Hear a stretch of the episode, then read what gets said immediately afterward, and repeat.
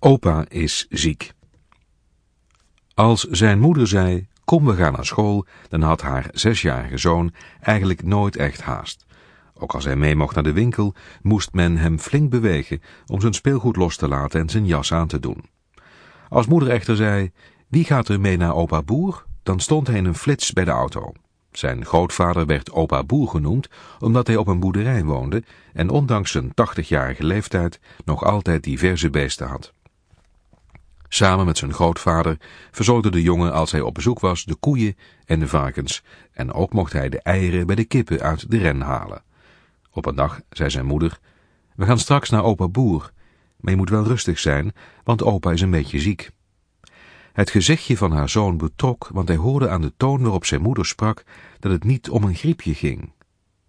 Opa is erg moe en ligt nu veel op bed. De autorit was veel minder leuk als anders en hij voelde zijn buikje draaien toen hij de boerderij binnenging. Oma stond net in de keuken thee te zetten en vanuit zijn ooghoeken zag hij opa op een bed in de kamer liggen. Kun jij opa een kopje thee brengen? vroeg zijn oma, terwijl zij hem een kop en schotel in de hand drukte. Voorzichtig schuifelde hij naar de kamer en zonder iets te zeggen gaf hij de thee aan zijn opa, die er opeens heel anders uitzag als bij zijn vorige bezoek.